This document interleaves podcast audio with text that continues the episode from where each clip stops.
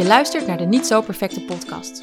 De podcast waarin ik, Eline Hogeboom, soms alleen, soms samen met een gast, praat over een bezield en vervuld leven, ondanks dat het leven niet altijd perfect is. Want uit eigen ervaring weet ik dat dat kan. En ik praat er ook graag over met mensen die eerlijk hun verhaal delen, omdat ik geloof in de kracht van verhalen. Van harte welkom, leuk dat je luistert.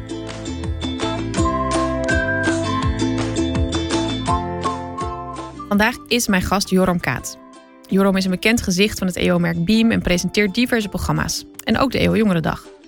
Momenteel presenteert hij het radioprogramma Langs de Lijn en Omstreken. Joram maakt een prachtige persoonlijke podcast over de zoektocht naar zijn vader, Who is Your Daddy? En hij deelt zijn zoektocht naar een bestaan zonder, of in ieder geval met een beetje minder afleiding van de smartphone. Joram is 28 en getrouwd met Pauline. Welkom Joram. Dankjewel. Leuk om hier te zijn. Ja, heel leuk. Hey, uh, ik begin deze podcast altijd met een perfect imperfect moment. Ja. Wil je over de mijne beginnen? Um, wil jij over de jou beginnen? Laten we het aan het eind doen. Oké, okay. oh, dat is een mooie tease. maar jij hebt een hele mooie. Ja, maar moet Ja. ik er dan één noemen? Even denken. Een perfectly imperfect moment. Ehm, wat hebben andere gasten genoemd?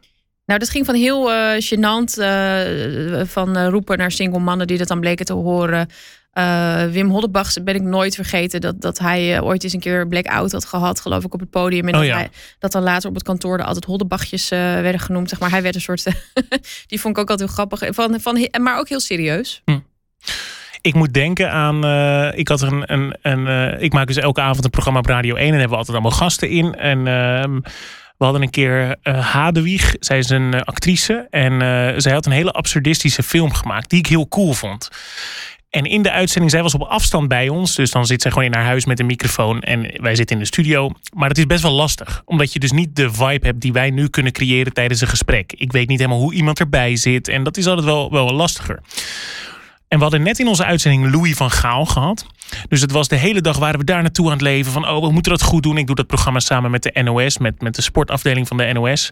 En ja, dan is Louis van Gaal is een, is een big deal. Dus we hadden net dat gesprek gehad. Dat was best prima. Dus we zaten in een soort opgeluchte eh, vibe. Nou, dan gaan we nu over die film praten. En het liep gewoon niet. En op een gegeven moment zeg ik ook, ik denk nou, ik moet, want een absurdistische film, het was met allemaal gekke kleuren, maar dat, het is radio, dus we kunnen het niet laten zien. Dus ik probeerde de vibe van die film uit te leggen. Dus ik zeg zoiets van, ik vond het eigenlijk heel irritant om naar te kijken, omdat alles vloekte qua kleuren. En ze filmden heel de tijd als mensen een conversatie hadden, niet het gezicht, maar dan het middel van iemand. Dus ik bedoelde dat positief, zo van ik vond het irritant. Dat schoot bij haar helemaal in het verkeerde keelgat. Dus dat hele gesprek ontspoorde. En, en eh, ik presenteer dat samen, sa- eh, programma samen met Robert. Eh, we doen dat samen. En hij ging mij daar ook een beetje zo van... nou Joram, ja, jij vond het maar een irritante film. dus die ging daar nog een beetje stoken. En Hadewig was er helemaal klaar mee. En, en dat liep gewoon niet. En toen heb ik haar na de uitzending nog geprobeerd te bellen. Ze nam niet op. Toen heb ik haar geappt van... joh, het liep niet. Het was mijn beste intentie. Nou, ze heeft, ik heb de blauwe vinkjes gekregen. Ze heeft me geghost. Dus dat is echt zo'n moment, weet je wel. Dan nu... ehm, ja, ik ben heel sentimenteel. Dus ook in november begin ik al een beetje terug te blikken op het jaar. En dan denk ik wel van, ja, dat was echt zo'n... Het lukt gewoon niet. Je hebt de beste intenties, maar het lukt gewoon niet. Ja. En hoe voel je jij dan? Voel je je dan lang rot daarna? Ja, absoluut. Ja. Dan, eh, ja, dan zit ik wel in de auto echt eh, nog boos.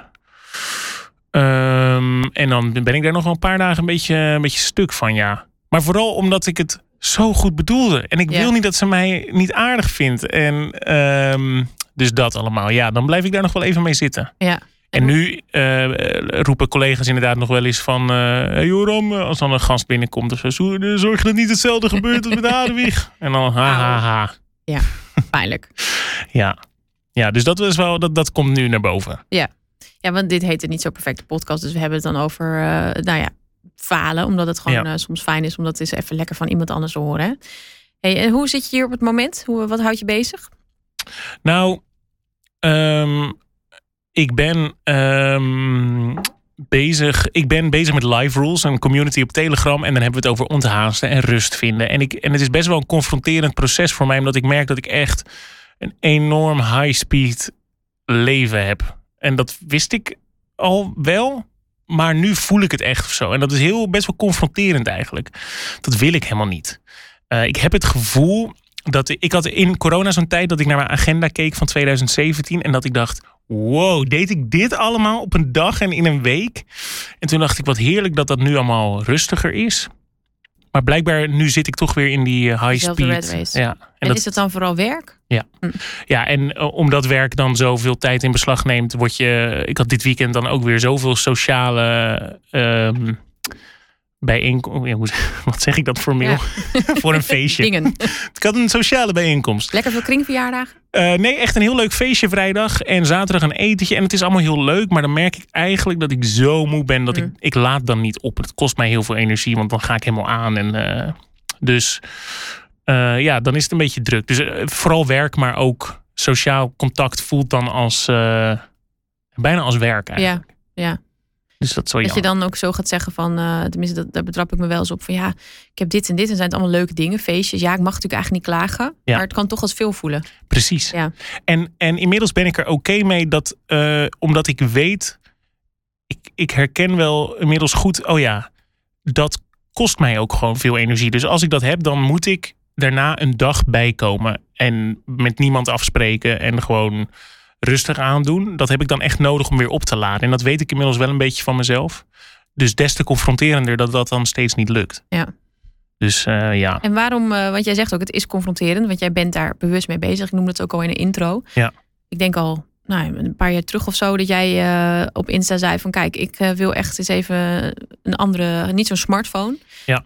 Toen ben je daar allemaal bezig gegaan. Nu ben je heel bewust bezig met live rooms, met een soort ja, concept waarin je ook een groep meeneemt in jongens, hoe gaan we nou echt leven? Ja. Hoe je ook wilt leven. Want daar begon het nu een beetje mee. hè, Dat je eigenlijk een soort lijst maakte met de dingen die je graag zou willen. Maar als je hem dan legt naast wat je dan nu doet, Precies. dat kwam niet helemaal overeen. Helemaal niet zelf, nee. Dus dat eh, was wel een moment dat ik dacht van... oh ja, ik vind het belangrijk om tijd te besteden aan mijn relatie vanzelfsprekend... aan vrienden, aan familie, eh, aan God, ehm, in willekeurige volgorde. Oeh, daar kom ik net goed. En ik besteed de meeste tijd aan mijn telefoon, aan werk, aan ehm, Netflix. En, en toen dacht ik, dat wil ik anders. Dus eh, die zoektocht komt heel erg omdat ik dus daar slecht in ben. Eh, nou, dat is geen oordeel, maar eh, ik, ja, dat klopte niet. Dus dacht ik, ik moet aan de slag. Ehm, dus dat is heel leuk, maar ik doe dat ook echt voor mezelf. Ik heb dat zelf nodig, dus het is niet zo dat ik denk van... oh ja, daar zit een behoefte bij mensen. Ja, bij mijzelf nogal. En waarom ben je zo druk? Ik ben chaotisch. En ook weer heel gestructureerd. Eh, ik, dus ik ben nu met mezelf in gesprek hoor. Ehm, ik, ik kan niet zo goed nee zeggen. Dus ik zeg tegen bijna alles ja. En eh, dan kom ik er op het moment achter eh, dat, dat ik dat eigenlijk niet had moeten doen. Ehm, dus in die zin chaotisch bedoel ik. Van, Ja. ehm, en ik doe alles door elkaar heen. Dus En is het al gelukt om eh, kleine andere keuzes te maken in dit proces? Je bent nu een tijdje met live rooms bezig. Ja. Heb je al iets veranderd? Ja, ik ben minder op mijn telefoon. Hm. Dus dat scheelt al. Eh, ik ben. eh, wat we leren met live rules is heel erg kiezen voor kwaliteit in plaats van kwantiteit. En dat zit hem eigenlijk in alles. Dus als jij een gesprek hebt met iemand, kies voor de kwaliteit. Dus dat betekent dat ik met jou ben en niet op mijn telefoon ga kijken of afgeleid ga zijn of aan andere dingen ga denken. Als je gaat eten, kies voor kwaliteit. Dus maak goed eten en nodig mensen uit en heb een goede tijd in plaats van snel. Weet je wel. En dat, zo zit dat eigenlijk bij alles. Elke week, want elke week behandelen we een soort van ander subthema. Dus aandachtig luisteren of eh, sabbat eh, zijn we mee bezig. Of, nou ja, en elke week komt eigenlijk dat als een soort van conclusie naar boven van kwaliteit is belangrijk. Hm. Dus ook in relaties. We zijn heel erg bezig ook online met zoveel mogelijk contacten. Terwijl alle onderzoeken laten zien dat je daar niks aan hebt. Je hebt wat aan een klein groepje met, met hele waardevolle, diepe relaties. Eh, dus dat zijn wel dingen waar ik nu bewust van ben. Mhm. Er is wel veel bewustwording inmiddels bij mij aanwezig. En de, de volgende stap is natuurlijk om echt mijn gedrag aan te passen. Eh, maar dat gaat bij mij dus moeizaam, omdat ik er dan achter kom dat ja, mijn leven zo druk is ingedeeld. Dus ik moet echt gaan snijden. Dus ik ben nu ook daar wel qua werk mee bezig. Dat ik mensen heb met wie ik werk van hey, ik ga even heroverwegen of ik hier nog bij betrokken blijf. Of zo. Maar dat vind ik heel lastig. En waarom? Omdat ik dan het gevoel heb dat ik iemand teleurstel. Eh, van ja, ik heb, ik heb dit toegezegd. Dat is mijn fout dat ik ja zeg tegen iets wat ik eigenlijk niet kan doen. Heb je ook hulp bij? Ehm, mm, mm, mm, nee. Alsof je echt een hele heftige vraag stelt. Eh, nou, nee, niet echt. Ehm, nee. Hm. Dat is ook het lastige bij, bij de EO. Dat je eigenlijk werk ik voor vijf afdelingen wat bijna eigen bedrijven zijn. Dus het is wel allemaal van de EO, maar die hebben geen contact met elkaar. Dus, dus Nee, ik moet het echt zelf het ook doen. een beetje, want ik, ik, ik, heb, ik heb wel eens EO-presentatoren bijvoorbeeld op een event zien lopen. En dan worden ze altijd wel een beetje beschermd. Dan Ja. loopt er wel eens iemand naast en die eh, zegt dan nou, niet al die eh meisjes Niet. Annemar af, snap je zo. Nee, precies. Ehm, dus ik kan me heel goed voorstellen dat je in deze zin ook een soort bescherming bijna zou kunnen Ja, hebben. nee, dat is er dus niet. niet raar zijn, toch? Ja. Nee, dat klopt. eh, maar dat, dat is er niet. Nee. Ehm, en eh, dat, dus dat is ook een les. Maar ik zou ook niet willen. Ik, ik moet dat zelf leren. Dat is uiteindelijk. Want dit gaat verder dan alleen eh, de EO of alleen mijn werk. Het is ook in mijn relatie. eh, gewoon grenzen aangeven en zo. Dat is voor mij überhaupt wel een ding. Dus Zit er ook iets diepers achter? Dat je, hè, want je zegt ik wil mensen eigenlijk niet teleurstellen. Ja, ja, dus dat heeft voor mij wel te maken met mijn opvoeding. Ehm, eh, zonder mijn vader ben ik opgegroeid. En daar zit een soort enorme. Daar ben ik inmiddels wel achter. Je wordt verlaten eh, op dag nul van je leven door eh, een stuk DNA van jou, eh, een van je ouders. En dat betrek je dan op jezelf blijkbaar. Dus dan ga je onbewust, hè, want ik dacht als kind heus niet, denk ik, van dat komt door mij. Maar dat is wel wat er dus ergens gebeurt. En dus ga je in alles, of ga ik in ieder geval in alles compenseren.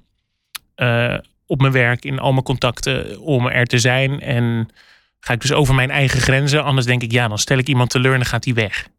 Ehm, dat is helemaal niet zo. Het is een hele irreële angst. Maar die komt daar vandaan en die speelt dan gewoon heel de tijd op. Ja. Eh, dus daar heb ik wel hulp voor hoor. Eh, al, al ben ik al best wel lang niet meer geweest. Therapeut, als je luistert, hij komt Ja. er weer aan. ja, nee, dat is, dat is ook weer zoiets. Dat zit dus nu echt al weken in mijn hoofd. Echt misschien wel elke dag. Van, oh ja, ik moet Linda weer even mailen. En vond jij dat überhaupt een stap om hulp te zoeken? Of was het voor jou niet zo'n issue? Nee, omdat ik echt enorm eh, fan ben van. Ik heb, wauw, ik, altijd als ik dat soort gesprekken heb, dan ben ik zo geïnspireerd en leer ik zoveel over mezelf. Dat komt ook door, doordat ik die podcast Who's Your Daddy heb gemaakt, waarin ik ook met experts ging spreken. En dacht ik echt, wow, zij vertellen mij zoveel over mij, wat, wat echt goed is. Ja, daarin werd heel veel eh, duidelijk. En voor degenen die, die die podcast niet hebben geluisterd.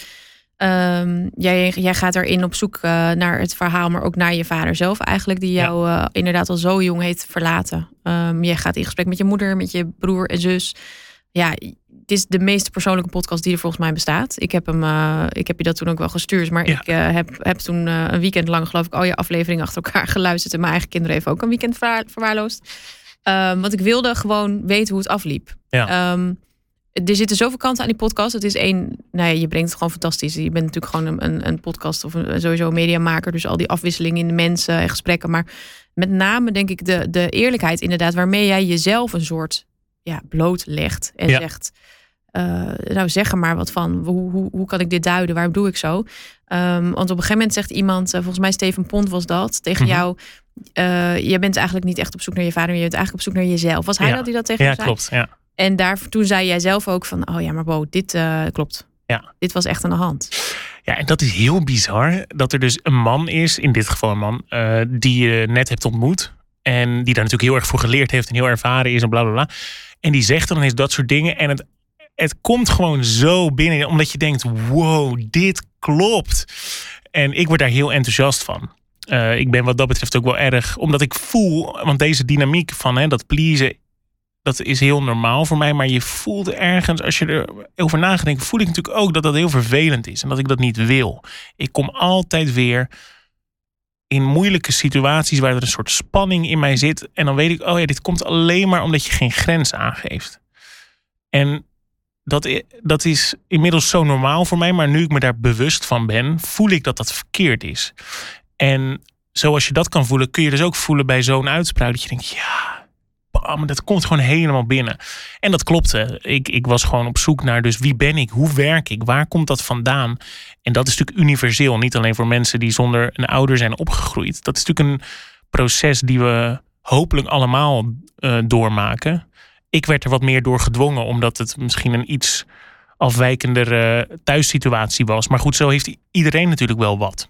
Want jij hebt ook heel veel berichten gekregen toen, hè? Ja, dat en was dat, normaal. was dat inderdaad van allemaal mensen die dan ook te maken hadden met inderdaad die een vader of moeder missen? Of zaten daar ook andere dingen dan tussen? Ehm, nou, veel dat, maar ook adoptiekinderen Mhm. bijvoorbeeld. Ehm, die zeiden van ja, ik eh, heb ook zo'n soort van leegte waar Steven het ook over had. Hij sprak van ja, er is een soort vacuüm in je. En ehm, ja, veel mensen die eh, narcistische ouders hadden of, of vermoedens, eh, veel herkenning. Ja. En ook weer voor mensen die in een soortgelijke situatie als ik zaten of zitten, die zeiden: Nu heb ik iets om aan mijn vrienden te sturen. Of ik kreeg een, re- een, een, eh, reactie van een meisje die zei: van Ik heb dit aan mijn vriend laten horen. En na jaren, want ze waren al tien jaar samen, snapt hij wat ik dan voel. Wow. Ja, dat is, dat is, dat is bizar. Ja, wel ga, ik krijg wel een beetje kippen van. Je, bent, je werd een soort spreekbuis ook eigenlijk. Nou, Ja. Maar ook omdat ik denk, bedoel, de dingen die jij vertelt over eh, geen grenzen aan kunnen geven, aardig gevonden willen worden. Ehm, ik denk dat heel veel mensen op een of andere manier, door wat ze hebben meegemaakt, of dat nou wel of niet met een ouder te maken heeft, ehm, dat soort dingen hebben. Wat je Ja. doet, hoe je nu in het leven staat, komt altijd natuurlijk ergens vandaan. Ja. En jij hebt dat heel erg eh, ja, bij jezelf in die podcast ook, ook blootgelegd. Waar, ik- waar ik benieuwd naar ben, Joram, vind jij dat iets, dus bijvoorbeeld dat geen grenzen aan kunnen geven of aardig gevonden willen worden, zijn dat nou dingen waarvan jij zegt, nou, ik leer daarmee leven? Of is dat iets waarvan je zegt, nee, ik wil dat echt nog wel fixen? Hoe zie jij dat? Ik wil dat fixen, ja. Ik leerde, ik, eh, ik eh, hoef niet meer te. Ik, eh, ik leef er al altijd al mee. Heel lang onbewust, nu bewust. En het feit dat ik elke dag bijna nu dus aan die therapeut denk, ehm, komt omdat ik elke dag wel een moment heb dat ik ervaar, dit wil ik niet. Ehm, en ik geloof ook echt dat ik heb inmiddels al zoveel eh, geleerd en mezelf al zoveel daardoor kunnen ontwikkelen, dat ik ook geloof dat dat ook anders kan worden. Die grenzen aangeven, dat kun je natuurlijk gewoon leren. Ik vind het dus ook bijvoorbeeld grappig dat mijn beste vrienden zijn allemaal mensen die echt super goed hun grenzen aan kunnen geven. En dat vind ik aan de ene kant heel lastig, maar, te, eh, maar ik zoek het dus ook op, onbewust. Vind je het lastig omdat je je dan afgewezen voelt? Ehm, ik vind het lastig dat, omdat, dus het gaat echt over hoe laat spreken we af, bijvoorbeeld. Hè? Ja. Ehm, en dan zeg ik, ah, weet niet, ik kan wel tussen dan en dan. Laat maar weten wat voor jou handig is. En dat is voor mijn vrienden heel irritant. Zeg gewoon wanneer je kan. Wat, wat is het probleem? Ehm, of dat ik bijvoorbeeld niet iets wil en dan ga, doe ik het toch. En dan uiteindelijk is het natuurlijk allemaal hartstikke prima. Maar dan ga ik eigenlijk, luister ik dus niet naar mezelf. Terwijl mijn vrienden zeggen gewoon, oh, eh, wij hebben over een half uur afgesproken. Ja, gaat even niet door. eh, komt er wat tussendoor. Oké, vind ik ook helemaal prima. Zo gaat het leven. Eh, dit is dan natuurlijk iets heel onbenulligs, maar ik vind het dus interessant. En dat is dus wat ik geleerd heb. Ik heb mijn vrienden natuurlijk niet bewust daarop uitgekozen. Die ben ik gewoon onderweg in het leven tegengekomen. Maar nu ik er zo naar kijk, denk ik grappig. Dat zijn allemaal namelijk. eh, twee van mijn beste vrienden zijn allebei eh, therapeut. Dus die hebben mij al in jaren alles gevraagd. En die hebben mij zo geleerd om over mezelf te praten en om te reflecteren. Ik denk van, oh ja, dat is niet zomaar. Dat zoek ik blijkbaar. En zo is bijna alles wat je doet in je leven komt van je opvoeding. En, en dat is super interessant. En daar weet ik lang niet alles van. Maar ik weet wel dat niks eh, ja, toeval is, om het even zo te zeggen. Eh, met wie je gaat daten, hoe je je gedraagt op werk. Het, het komt allemaal ergens vandaan. En je kunt het dus ook aanpassen. Eh, en dat vind ik fascinerend, maar dat geeft mij ook hoop van ja, ik wil daarmee aan de slag. Want ik wil gewoon mijn grenzen aan kunnen geven. Ja. ja. En is het ook nog zo, want je zit in je eerste huwelijksjaar. hè? Je Ja. bent afgelopen zomer getrouwd. Vier maanden was ik Vier getrouwd. maanden, ja. Eh, ja, gisteravond echt heel laat zei ik... Oh, trouwens, gefeliciteerd met vier maanden. Oh ja. Gaat het ook niet door? Nee. Oh, heerlijk. Zo fijn is het Ja. niet door. Ja. Maar ehm, nou, ik kan me voorstellen, in zo'n eerste jaar komt er ook nog wel eens wat op je af. Ja. Heeft, Ehm, heeft dat nog iets veranderd aan hoe je nu dan naar jezelf en naar deze dingen kijkt? Wij, dus het- ik ging heel lang daten met Pauline eh, ooit. Voordat we een relatie kregen. Dat duurde een jaar. Omdat ik me echt niet durfde te binden. En eigenlijk zij ook niet echt. Wij hebben in die jaren. In het begin van onze relatie echt super veel gepraat. Want zij heeft weer een heel erg eh, gezin. Een heel erg, eh, ja, hoe moet je het zeggen? Zorgzaam, intiem, geconnect, close gezin. Uh, wat ook weer natuurlijk allerlei dynamieken met zich meebrengt. En ik vond dat heel lastig in het begin. En, want ik kan geen grens aangeven. Dus ik voelde van, oh, ik moet van alles in een nieuwe familie. Uh, of in een relatie ook. Dus wij hebben heel veel gepraat. En daardoor voelt het wel alsof wij al veel hebben uitgevogeld. Maar goed, dat zeg ik misschien als naïveling die vier maanden getrouwd is. Ik heb niet de illusie dat we er zijn. Maar um, dat is dus. Ik wist ook al. Op het moment dat wij echt een relatie kregen. Sinds dat moment heb ik er echt. En ik weet niet of dat gezond is, maar geen seconde meer aan getwijfeld dat wij zouden gaan trouwen en samen zouden zijn. Omdat we toen al door zoveel heen waren gegaan. Um, want wat is dat? Jij zei, we hadden allebei bindingsangst. Ik had het ook. Wanneer is het moment voor jou dan geweest dat, dat je daar ja, overheen was? Of dat je het aandurfde om uh, te gaan trouwen? Of in ieder geval echt voor altijd samen te zijn? Ja, ik weet niet zozeer wat het moment was. Uh, ik kende haar al best wel een tijd. En ik ben pas echt serieus met haar gaan daten toen, zij, toen ik wist dat zij naar New York ging voor een uh, half jaar dat gaf voor mij de veiligheid dat ik dacht, ze gaat toch weg. Dus ik durf nu wel een beetje te connecten, zeg maar. Want als het dan niks wordt of wat dan ook, dan ze gaat toch al weg. En dat had ik nodig om dus al in een soort volgende fase te komen. Nou, toen ging zij daarheen en toen waren we echt elke dag helemaal aan het appen. En dat we, dus toen dacht ik ineens van, hé, hey, dit is eigenlijk gewoon... Op een gegeven moment voel je een soort veiligheid of zo. Dat is het, denk ik. En um, toen die veiligheid er eenmaal was, maar dat heb ik dus ook met vrienden als ik eenmaal met iemand goed bevriend ben, dan is het. Dan gaat het niet meer weg. Want dan, als, je, ja, als ik eenmaal veilig ben bij iemand, dan uh, ja, is dat ook gelijk ijzersterk of zo.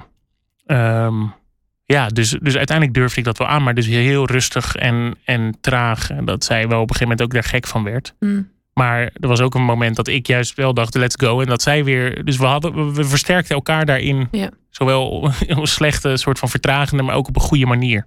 En heeft het echte ja zeggen daar nog iets bij gedaan? Ja, dat, het, ik vind het huwelijk. Uh, ja, dat voelt wel. Het voelt wel anders, ja. Ja, zeker omdat ja, mijn ouders zijn gescheiden. En uh, dat zorgt ervoor dat je ook wel heel bewust na gaat denken over wat dat betekent en zo. Um, dus dat, dat voelt wel heel groot. Daarom wilde ik het ook zo graag, omdat ik dat heel mooi vind. Uh, maar dat betekent wel veel voor me dat we dat hebben gezegd. En, en ik, zei ook tegen Pauline van het voelt nu alsof, een, alsof er een soort derde factor bij is. Uh, eerst heb je gewoon een relatie. En dat, dat ben je met z'n tweeën. Maar nu voelt het huwelijk als een soort derde factor. Van alsof het een soort plant of een kind is waar je voor moet zorgen. Weet je wel? Ja. En ben je dat ook nog extra misschien bewust omdat je inderdaad dan die gescheiden ouders hebt? Denk het wel, ja. En ik heb, ik bedoel, toen ik mijn moeders verhaal hoorde, dacht ik echt van waarom ben je niet eerder gescheiden, weet je wel? Dus zij heeft ook heel erg vastgehouden aan het huwelijk, zo van dat hoort en zo. Dus ja, ik heb, dat, ik heb daar heel veel over nagedacht en, en uh, dat voelt dus wel uh, ja, heel belangrijk. Ja. Ja. Heb, je, heb je één intentie of zo waar, waarvan je zegt, oh, ik, zo wil ik er mee omgaan of naar kijken? Of misschien wel hmm. juist zo wil ik het niet. Ik, mijn ouders zijn bijvoorbeeld ook gescheiden. Dus ik, mm. Johannes en ik hebben ook heel erg gepraat toen voordat we gingen trouwen. Van zo willen we het bijvoorbeeld, dit willen we wel meenemen, maar dit ook echt niet of zo. Goeie vraag. Um, nou, wat, wat ik. Nou, misschien dat dus, dat een huwelijk niet. Ik denk dat veel stellen, misschien over wat ik ervan hoor en bij Beam en de verhalen die ik lees, is dat je dus in het begin zeker, veel, zeker in de christelijke cultuur, dan trouwen we best wel snel. Nou, dat hebben Pauline en ik niet per se gedaan. Tenminste, vind ik niet. We zijn vijf jaar, vijf en een half jaar samen. En daarvoor dus nog heel lang gedate. Um, en dan is het huwelijk natuurlijk een soort romantisch, uh, sprookjesachtig ding misschien in het begin. Maar dat heb ik dus niet. Het voelt als iets heel zwaars en met verantwoordelijkheid. En wat niet altijd leuk is. En, en, en zo hebben we het wel al benaderd. Van we gaan echt iets aan, weet je wel. Dus we gaan dit doen. En uh, dat vereist werk en, en pijn en verdriet ook op sommige momenten. Die kant hebben we denk ik wel veel, ook door die podcast al gerealiseerd samen. Uh, dus dat nemen we mee van werken voor elkaar en kijken naar elkaar. Ja, dat, dat is het denk ik. Ja. ja. Maar ik ga er nog over nadenken. Ik vind het wel een goede vraag. Mooi. Nou, ik vind altijd, uh, ik geef dat nu wel vaak ook aan mensen als tip, inderdaad, dat voordat je gaat trouwen, je ook al goed nadenkt over wat neem je mee, wat niet. En ook al bijvoorbeeld over eventuele opvoeding van kids, dat je dat ook al vooraf doet of zo. Weet je wel, als je gaandeweg achter dingen komt of. Um, ja, voor mij was het ook wel mm, heel erg bewust zijn van de valkuilen. En daar een soort alert op zijn. Niet vanuit een soort angst, maar wel weten, oké, wij zijn uh, bijvoorbeeld heel verschillende types of zo. En ja. uh, dan ligt dit op de loer. Weet je wel? Dat je daar toch altijd een beetje bewust van bent van dat kan, als je uit elkaar groeit, een ding gaan worden. Precies. Ja, nee, dus weet dat, je wel? Dat je dat een ja. soort. Ja, dat heb ik altijd wel bijvoorbeeld een beetje in de gaten. Dat heb ik ook hoor. Ik heb dus een enorme erkenningsvraag. Uh, dus ik ben me er heel erg van bewust. En ik heb dat gelukkig. Daar hadden we deze zomer over. Ik, uh, ik uh, las De Fontein. dat boek gaat over familiesystemen en zo. Fantastisch boek, echt. Wauw. En daarin gaat het ook heel erg over nou, hoe iedereen zich in families gedraagt en wat ook het last van een generatie is. En ik heb dus die enorme erkenningsvraag door mijn opvoeding, door mijn afwezige vader. En ik zei tegen Pauline van, ik heb ergens wel uh, het geluk, denk ik, dat mijn erkenning zich dus heel erg uit in werk. Werk, werk, werk, werk, werk. Het grappige is, en dat kwam ineens bij me binnen op een Italiaans strand. Dat vinden we eigenlijk iets positiefs in onze maatschappij. Terwijl als ik diezelfde erkenningsbehoefte uit hetzelfde bron uh, zou hebben bij vrouwen bijvoorbeeld, dan zou dat natuurlijk heel veel desastreuzer zijn en heel slecht. En dan zijn we daar met z'n allen heel fel over. Nou, ik heb dat gelukkig dus in werk, maar het is hetzelfde probleem. Ja. Dus ineens dacht ik daarover na van. Veel mensen zien dat bij mij ook en ik zelf heb dat ook wel lang gezien als iets positiefs. Van wow, weet je wel, ik zie dat niet meer zo als iets positiefs. De gevolgen zijn wel positief, want het ja. is niet iets verkeerds. Ik doe er geen mensen pijn mee. Maar ik ben wel bewust dus daarvan. Ja, die vraag is zo groot en ik moet daar dus mee aan de slag. Want ik mo moet weten, en dat heb ik bij Pauline gelukkig wel, van dat is genoeg. Ja. En, maar dat wil ik met werk ook leren. Het is op een gegeven moment gewoon genoeg. En dat heb ik nog niet echt. Nee, dat snap ik heel goed. En speelt God hier een rol in voor jou? Het is natuurlijk te makkelijk om te zeggen, ja, je moet je erkenning dan allemaal van God vandaan halen. Ik vind dat dat best wel een ingewikkelde. Ja. Um, is natuurlijk wel wat je dan zou willen zeggen. Henry Nouwen is hier voor mij altijd heel erg een voorbeeld in. Hè? Die, die heeft ook zo'n gevleugelde tenminste voor mij is dat eentje die ik vaak weer terughaal. Van op het moment dat je heel erg je behoefte aan erkenning en liefde en bevestiging bij mensen of bij, hè, bij anderen of uit je werk haalt, dan is het echt tijd om weer terug te keren naar God. Nou, die schrijf ik ook regelmatig op in mijn dagboek, want dat herken ik ook wel heel erg. Uh, vooral in het in hard werken of uh, nou, ook het risico is inderdaad dat je het ook bij je partner te veel, hè, veel bevestiging wilt zoeken of bij je vriendinnen. Um, maar dan dat terug naar God.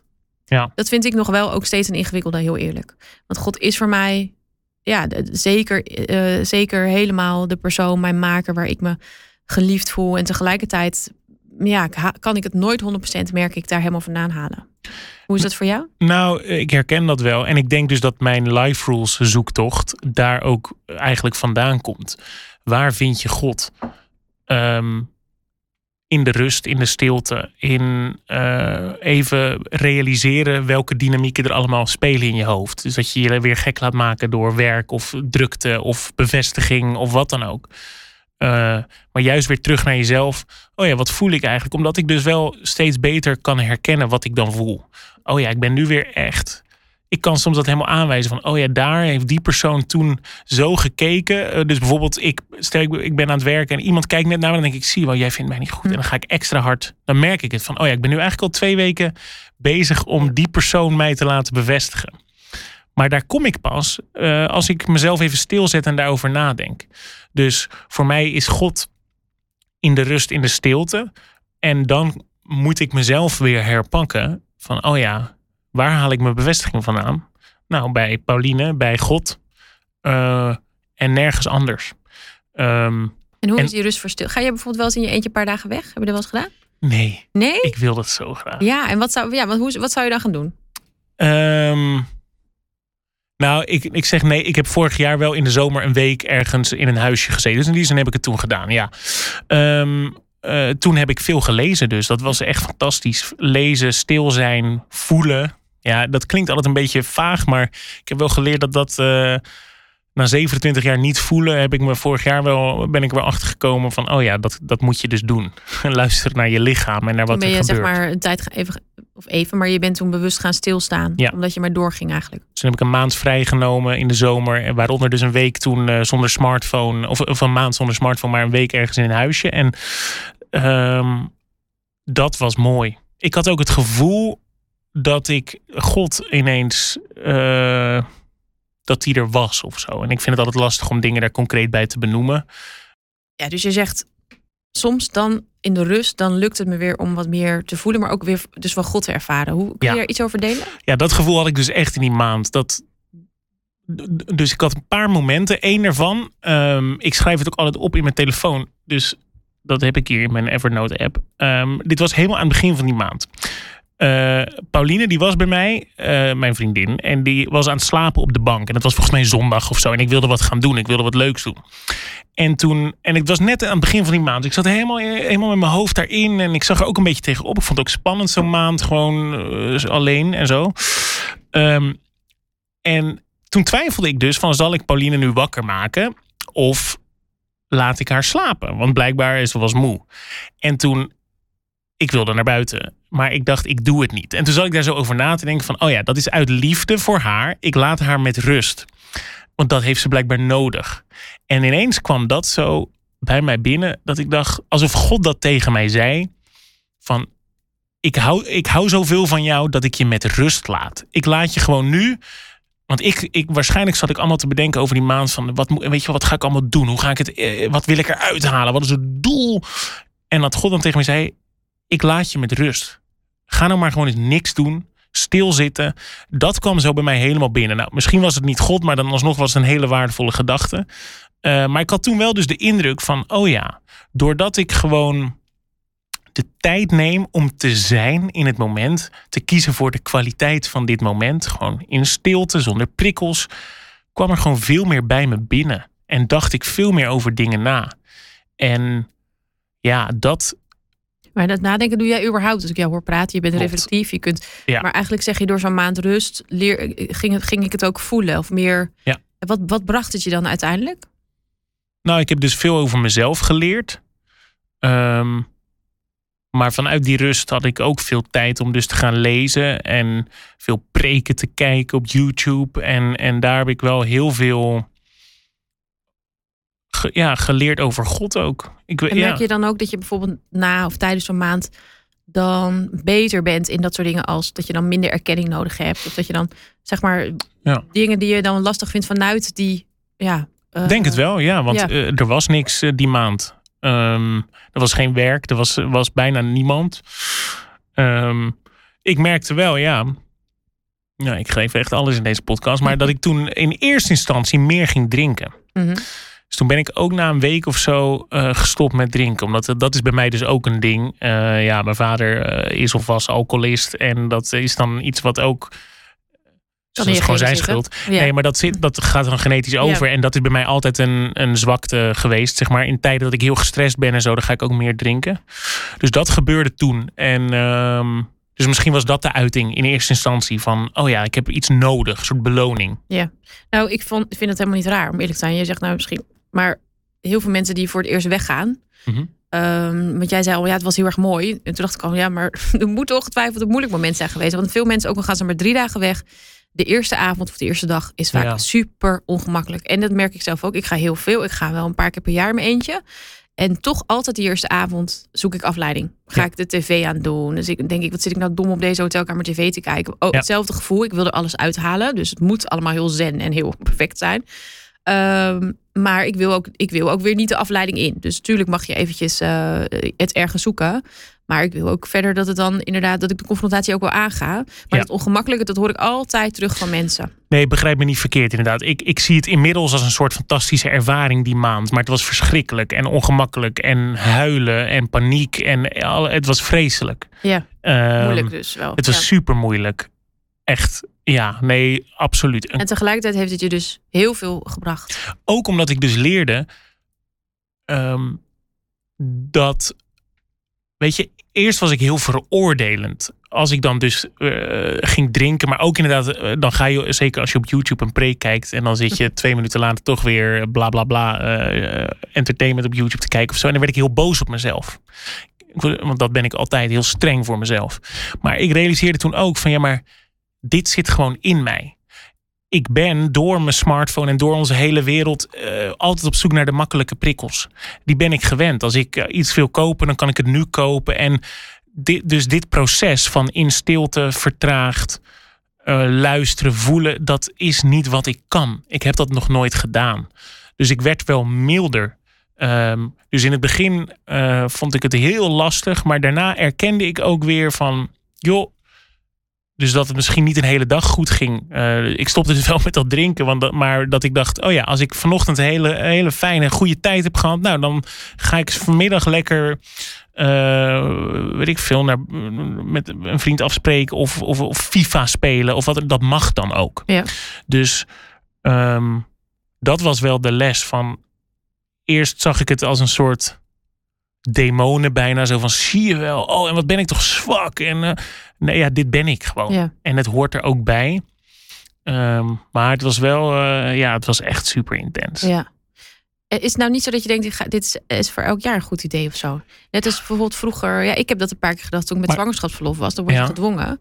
Want jij doet het nog steeds, dus soms zeg je. Nou, ik ga wel. weg. Ja, ik heb bijvoorbeeld in december weer twee nachten geboekt aan het eind van het jaar altijd. Om te reflecteren. En dan maak ik ook ja. een jaarplan en dat soort dingen. En terug te kijken. En dan doe ik het gedurende het jaar ook nog wel één of twee keer een nachtje of zo in mijn eentje. Ja, ik ga best vaak in mijn eentje weg. Ja, ik... Voor een hele dag ook wel. Maar hoe gewoon. doe je dat gewoon? Je, je plant het gewoon in. Ik plan het ja. in. Zoals nu heb ik het al twee maanden, zeg maar in december al vaststaan. Ja. Ja, en, maar het blijft dus altijd even weer. Maar ja, het helpt me enorm ook. Ik heb natuurlijk ook kinderen. En um, ja, om er gewoon af en toe even uit te stappen. Ja. En even weer helemaal terug naar, naar het alleen zijn. Ik vind het bijvoorbeeld ook heerlijk om alleen te eten. Er, zijn ook van die onderzoeken hè, dat als je tegenover iemand zit te eten, je onbewust vaak een keus maakt die de ander ook maakt. Vooral vrouwen doen dat. Nou, en als ik dan alleen ben, dan merk ik ook dat ik gewoon veel bewuster alles beleef. Inderdaad, ook het vertragen zit erin. Mijn dag lijkt ineens veel langer. De hele dagprogramma. Ja, ik kan dan gewoon van alles bedenken. Ik blijk ineens veel meer tijd te hebben dan normaal het, het zet me gewoon letterlijk even stil. Ja. En dat heb ik af en toe nodig. Ja, ja, maar ik vind het dus knap, juist, want je hebt kinderen. Ik kan gaan en staan waar ik wil, zeg maar. Uh, maar het lukt mij gewoon niet. Want inderdaad, na die maand uh, dacht ik, ik ga elke maand één dag uh, sowieso vrij nemen. Om gewoon in mijn eentje te zijn. En inderdaad, aan het eind van het jaar en bla bla bla. Nou, en daar, daar ben ik dat, ja, nee, niet gedaan. Nee, maar omdat je misschien ook, kijk, ik ben wel natuurlijk een, een ondernemer, ik heb wel mijn eigen agenda. Jij hebt natuurlijk ja. wel je werk, wat denk ik meer uh, jouw agenda ook bepaalt. Ja. Uh, maar dan nog, ik denk inderdaad dat, het keuzes maken vergt. Nou, je ik wil me daar niet achter verschuilen achter die agenda. Dat ik, ik kan dat echt wel het is doen. misschien moeilijker. Ja. En um, ik herken ook al veel in wat jij vertelt over. Uiteindelijk is ook veel afleiding, of het nou drank is, of het nou werk is, of het nou vrouwen of mannen, of wat het dan ook is. Ja. Um, het zijn allemaal vluchtroutes uiteindelijk. Jij benoemde er al een aantal. En, en, iedereen heeft zijn eigen vluchtroutes. Het kan ook heel erg zorgen voor anderen zijn of wat dan ook. Um, dat beschrijft John Mark Comer natuurlijk in zijn boek. En volgens mij is dat ook jouw inspiratie voor de Life Roos, uh, onder andere. Um, ik hoor je ook over de Sabbat. Over, en, en dat vertragen, dat, dat zegt hij natuurlijk ook enorm. De radicale uitbanning van haat heet het boek. Even voor degene die uh, nu denken, waar heb je het over? En dat gaat hier natuurlijk heel erg over. Niet zozeer over dat we alleen maar aan het haasten zijn. Maar wel dat we uh, vooral heel veel prikkels in ons leven hebben. Um, en dat af en toe dat stilstaan of dat elimineren daarvan echt wel noodzakelijk eigenlijk is. Ja, ook om, om ja, bij je ziel ook te kunnen blijven komen. Hè? Absoluut, ja, dat was het eerste boek wat ik in die maand las. En uh, ik dacht, wauw, ik heb er zoveel aan gehad. Ja. En um, precies, je de, uh, ik dacht gewoon altijd van, um, je hebt allerlei ideeën over hoe je je geestelijk leven vorm kan geven. En uh, weet je, hoe groter, hoe spectaculairder, meer Bijbel lezen en naar conferenties of zo, weet je wel. Daar ben ik heel erg in, in, in die vibe ben ik opgegroeid. En dan komt daar zo'n man, John Mark Comer, en die zegt eigenlijk: stop met alles en zoek God in de rust en in de stilte en de onthaasting. En uh, ja, het klinkt nu zo logisch, maar toen ik ja. dat las, dacht ik: wauw. Ja. Dat is zo waar en zo haakt natuurlijk op alles wat we doen, maar eigenlijk ook zo simpel. Ik bedoel, we kunnen dat allemaal en daar moeten we hard voor werken. Het is niet makkelijk, maar het, we kunnen dat wel. Vertragen en stilte en rust inbouwen. Uh, je moet er alleen gewoon heel hard voor strijden. Uh, en dat probeer ik, maar dat gaat met hele kleine stapjes. Ja. Maar dat ik, ja, daar zit zoveel in. In gewoon stil zijn, luisteren en, en je omringen met dingen die je opbouwen.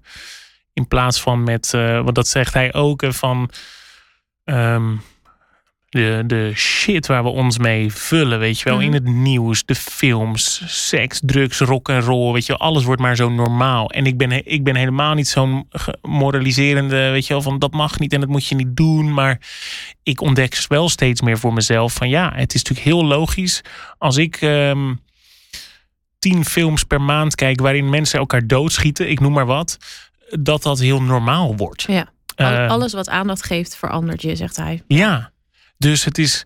Ik ben me daar wel be- bewuster van. Dus ook als ik tien films per maand kijk met moord en eh, ellende. En dan probeer ik daarna weer een half uurtje met gevouwen handen eh, God te zoeken. Ehm, dat, dat laatste moet zeker. maar probeer in ieder geval dat eerste ook te verkleinen. Eh, meditatie versus anti-meditatie. En dan is er vooral heel veel anti-meditatie in mijn leven van, van gewoon onzin. En dat is niet erg. Ik bedoel, ik eh, kijk lekker een film op zijn tijd en zo. Maar wees je bewust dus wel van dat dat ook bij je binnenkomt. En dat dat je ook bepaalt. Ja, en ik vind het ook echt wel mooi. eh, Ik wil, we sluiten altijd de podcast af met een hele praktische tip. Dus ik, ik hoop dat jij die zo wilt geven. Maar ik vind het ook echt mooi wat jij aan het begin zei. ehm, dat je eigenlijk zo'n lijst ook hebt gemaakt van wat wil ik nou echt in mijn leven? Wat vind ik vooral heel erg belangrijk? En misschien ook wel waar wil ik op terugkijken als ik later eh, oud ben? Eh, versus waar een lijst, waar ben ik op dit moment vooral mee bezig? Nou ja, dat vind ik al een hele mooie praktische Ja. ook. Eh, want dat brengt denk ik heel veel aan het licht. Ja. Waar besteed je nou, en dat is natuurlijk ook wat, wat, wat Komer zegt, van waar besteed je nou je meeste tijd en aandacht aan? En, en is dat echt waar het aan besteed zou moeten worden? Precies. En dat zou ook mijn, mijn, mijn praktische tip zijn van.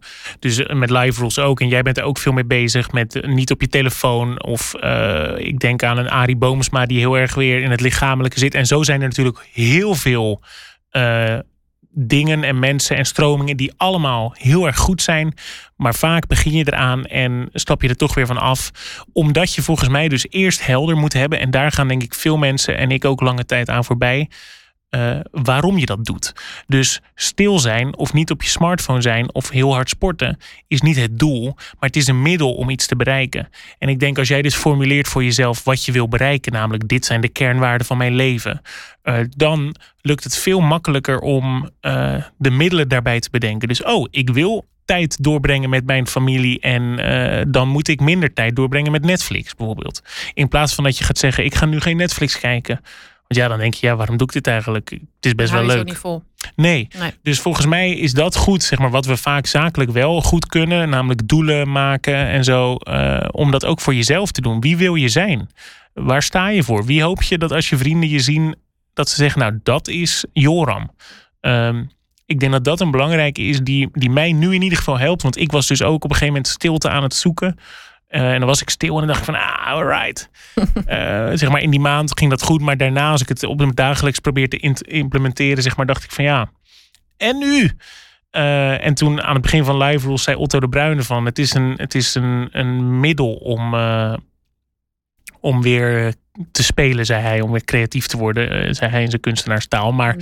toen dacht ik, oh ja, dat, dat heb ik wel lang verkeerd aangepakt eigenlijk. Het gaat niet om, oké, ik zit nu niet op mijn smartphone. Yes, ik ben er. Nee, wat, eh, hoe brengt het je dichter bij waar je naartoe wil, zeg maar. Ja.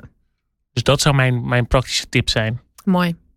Dankjewel Joram voor al je inspiratie en eh, eerlijkheid ook. Ja, eh, leuk. Ik heb ook weer dingen over mezelf geleerd. Als ik mezelf dan hoor praten. Dan, en ik ga ook dat wat jij doet. Ik ga dat doen. Ehm, ik ga gewoon dagen in mijn agenda inplannen. Ja. Ja. ja, ik denk echt, ja. Nou ja, als je het hebt over wie is Joram, wie, wie blijf ik, wie ben ik. Ja, dan moet je af en toe ook die tijd met jezelf wat doorbrengen. Ja. Nu aan het eind. eh, ik wil je niet... eh, oh my dear, je gaat me roosten. Nee, ja, maar we hebben het beloofd aan het begin. I know, ik was het ook niet vergeten. hoor. Oh, oké, oké. Mijn perfectly imperfect moment. Nou, ik ga het gewoon vertellen. We hebben, Joran en ik hebben gezegd, gaan we dit aan het begin of aan het eind doen? Ik zei, nou weet je, laten we het aan het eind doen. Want anders dan luister je als luisteraar misschien heel raar naar dit gesprek. Maar ehm, dit is de imperfecte podcast. Joram eh, was hier al eh, een aantal weken geleden. en toen hadden wij een ontzettend leuk gesprek. Heel ander gesprek Een ook. heel compleet ander gesprek. Dat is heel, Ja. wel heel interessant. Ik vind het nu dus jammer dat ik die echt niet meer heb. Ja. Want wat gebeurde er? Ik eh, werd volgende ochtend gebeld door ja, de technicus van deze show. Dat ehm, de opname niet was gelukt. Nou, ik kom wel door de grond.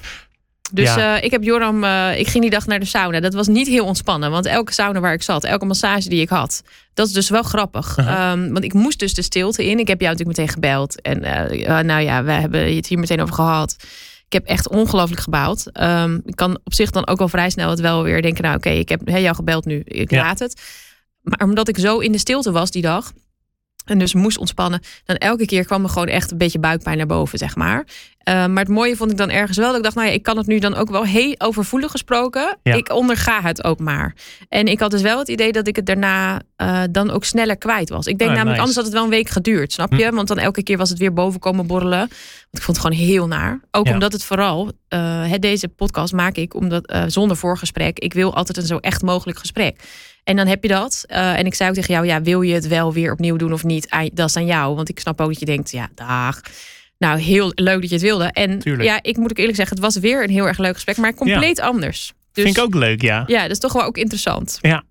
Dus Joram, ja, nogmaals heel erg bedankt hiervoor. Want eh, dat, dat heeft van jou wel ook even iets vereist. Maar dan weet je als luisteraar, ja, nou ja, dit is duidelijk de imperfecte podcast. En het grappige is, als mij dat was overkomen, zou ik het ook verschrikkelijk vinden. Maar nu dacht ik echt, joh, ja, dat gebeurt, man. Ik heb ook dat, dat, als je een podcast maakt en je werkt met apparatuur, dan gaat er continu ook dingen mis. Ja, Dus ik snapte helemaal van, oh, jij vindt dit zo vervelend. En Ja. ik dacht echt, joh, let's go, we gaan gewoon nog ja een keer. vond het heel erg. Ja. En Nou, nog, als ik het nu weer over heb, voel ik het ook weer. Maar goed. dan stoppen we erover. Let it go.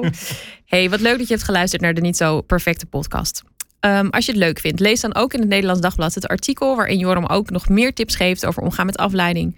Ehm, en ook leuk om te vertellen dat deze maand, eind november... eh, mijn boek verschijnt, Tijd met God... waarin ik verschillende vormen over tijd met God bespreek. Want tijd met God is niet alleen maar in een, boekje, in een hoekje met een boekje zitten... of stille tijd, of ochtends om zes uur. Nee, tijd met God heb je altijd en overal. En in dit boek vertel ik je hoe je dat doet hoe die tijd eruit kan zien. Het is ook een invulboek, maar ook echt een leesboek. Ehm, en je kunt het bestellen op filevie.nl slash shop. Of natuurlijk gewoon lekker bij je plaatselijke boekhandel. Wat onwijs leuk dat jij hebt geluisterd naar de Niet Zo Perfecte podcast. Ik hoop dat deze podcast je weer even een andere blik heeft gegeven op je imperfecties en je falen. Maar dat het je ook heeft geïnspireerd om te genieten van het leven. Misschien wil je wel verder lezen? Dan kun je bijvoorbeeld mijn boeken Not So Perfect of Filosofie lezen die ik heb geschreven over deze lessen. En wil je nog een slagje dieper gaan? Overweeg dan eens de Filosofie Academy. Dit is een intensief programma van drie maanden waarin ik je leer hoe je ermee omgaat als het leven niet zo loopt als je had gedacht. In 12 online modules ontdek je wat een bezield leven dicht bij jezelf en bij God inhoudt. In de Filosofie Academy ga je aan de hand van je levenshuis, met daarin de kamers werk, gezondheid, vrije tijd, relaties en delen aan de slag met jouw leven en maak je keuzes om nu eindelijk eens af te rekenen met het gevoel dat je het niet goed genoeg doet of niet genoeg bent. Kijk op filosofie.nl slash academy voor meer informatie.